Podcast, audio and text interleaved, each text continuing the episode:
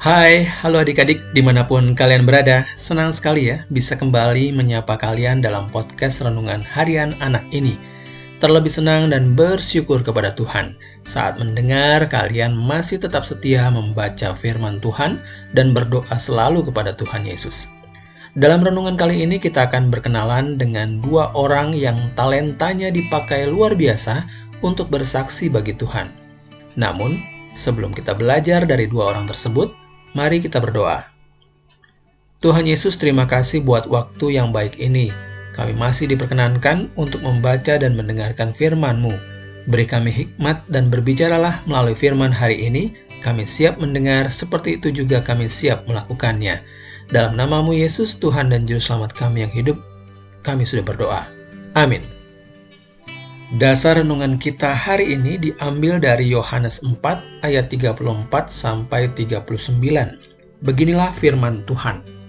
Kata Yesus kepada mereka, "Makananku ialah melakukan kehendak Dia yang mengutus aku dan menyelesaikan pekerjaannya.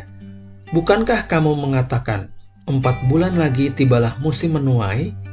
Namun, aku berkata kepadamu, lihatlah sekelilingmu dan pandanglah ladang-ladang yang sudah menguning dan matang untuk dituai. Sekarang juga penuai telah menerima upahnya, dan ia mengumpulkan buah untuk hidup yang kekal, sehingga penabur dan penuai sama-sama bersuka cita. Sebab dalam hal ini benarlah peribahasa, yang seorang menabur dan yang lain menuai. Aku mengutus kamu untuk menuai apa yang tidak kamu usahakan.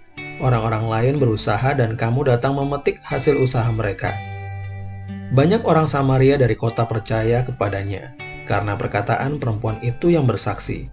Ia mengatakan kepadaku segala sesuatu yang telah kuperbuat. Demikianlah firman Tuhan. Adik-adik, fokus renungan kita hari ini adalah ayat 39 dari Yohanes 4 yang berbunyi, Banyak orang Samaria dari kota percaya kepadanya karena perkataan perempuan itu yang bersaksi. Ia mengatakan kepadaku segala sesuatu yang telah kuperbuat. Adik-adik, pernahkah menyanyikan lagu Mampirlah dengar doaku? Ya, kita akan mengetahui kisah di balik penulisan lagu tersebut. Lirik lagu ini ditulis oleh Fanny Crosby. William Howard Doen menggubah melodi lagunya.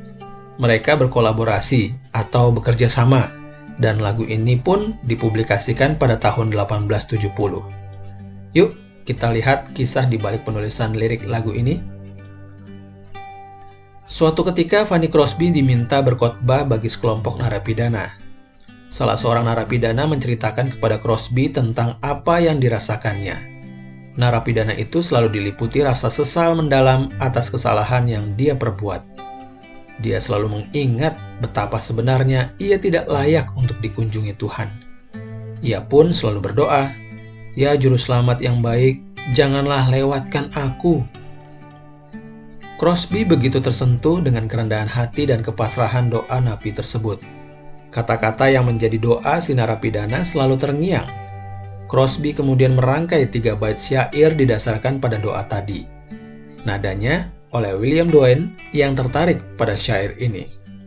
Maka jadilah lagu Mampirlah Dengar Doaku. Adik-adik, hari ini kita mau belajar dari Crosby dan Doen yang menggunakan talenta mereka masing-masing untuk bersaksi melalui nyanyian. Mereka menghasilkan sebuah lagu berdasarkan kisah nyata yang menunjukkan betapa baik Tuhan Yesus yang menerima kita orang berdosa. Ia mau menjadi juru selamat kita. Mari kita bersaksi melalui talenta yang sudah Tuhan berikan. Kita mau dipakai Tuhan agar semua orang datang kepadanya.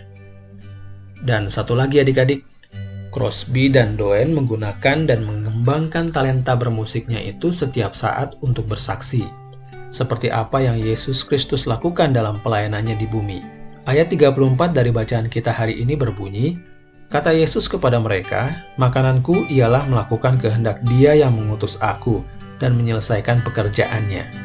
Ya, seperti makanan yang harus dikonsumsi setiap hari, seperti Tuhan Yesus yang melakukan kehendak Bapa di surga setiap saat. Demikian juga kita melakukan kehendak Tuhan yaitu bersaksi melalui talenta yang Tuhan berikan pada kita setiap hari. Bagaimana kita tahu kehendak Tuhan? Kita semua sudah tahu. Caranya adalah dengan membaca firman Tuhan atau Alkitab setiap hari. Karena Tuhan membukakan semua yang dia ingin kita lakukan melalui firman-Nya dalam Alkitab. Yuk, saat ini mari kita bertekad bersama. Aku mau menggunakan talentaku untuk bersaksi bagi Tuhan. Mari kita berdoa. Bapa di surga, kami mau memuliakan Tuhan dengan talenta yang Engkau berikan kepada kami. Kami siap dipakai untuk menjadi saksi Tuhan, agar semua orang datang kepada Tuhan. Tolong kami Tuhan untuk dapat melakukannya dengan setia, setiap saat. Terima kasih ya Tuhan, dalam namamu Yesus Tuhan dan Juru Selamat kami sudah berdoa. Amin. Adik-adik tetap baca Alkitab dan doa setiap hari ya kalau mau tumbuh Salam sejahtera buat kalian dan salam sehat selalu.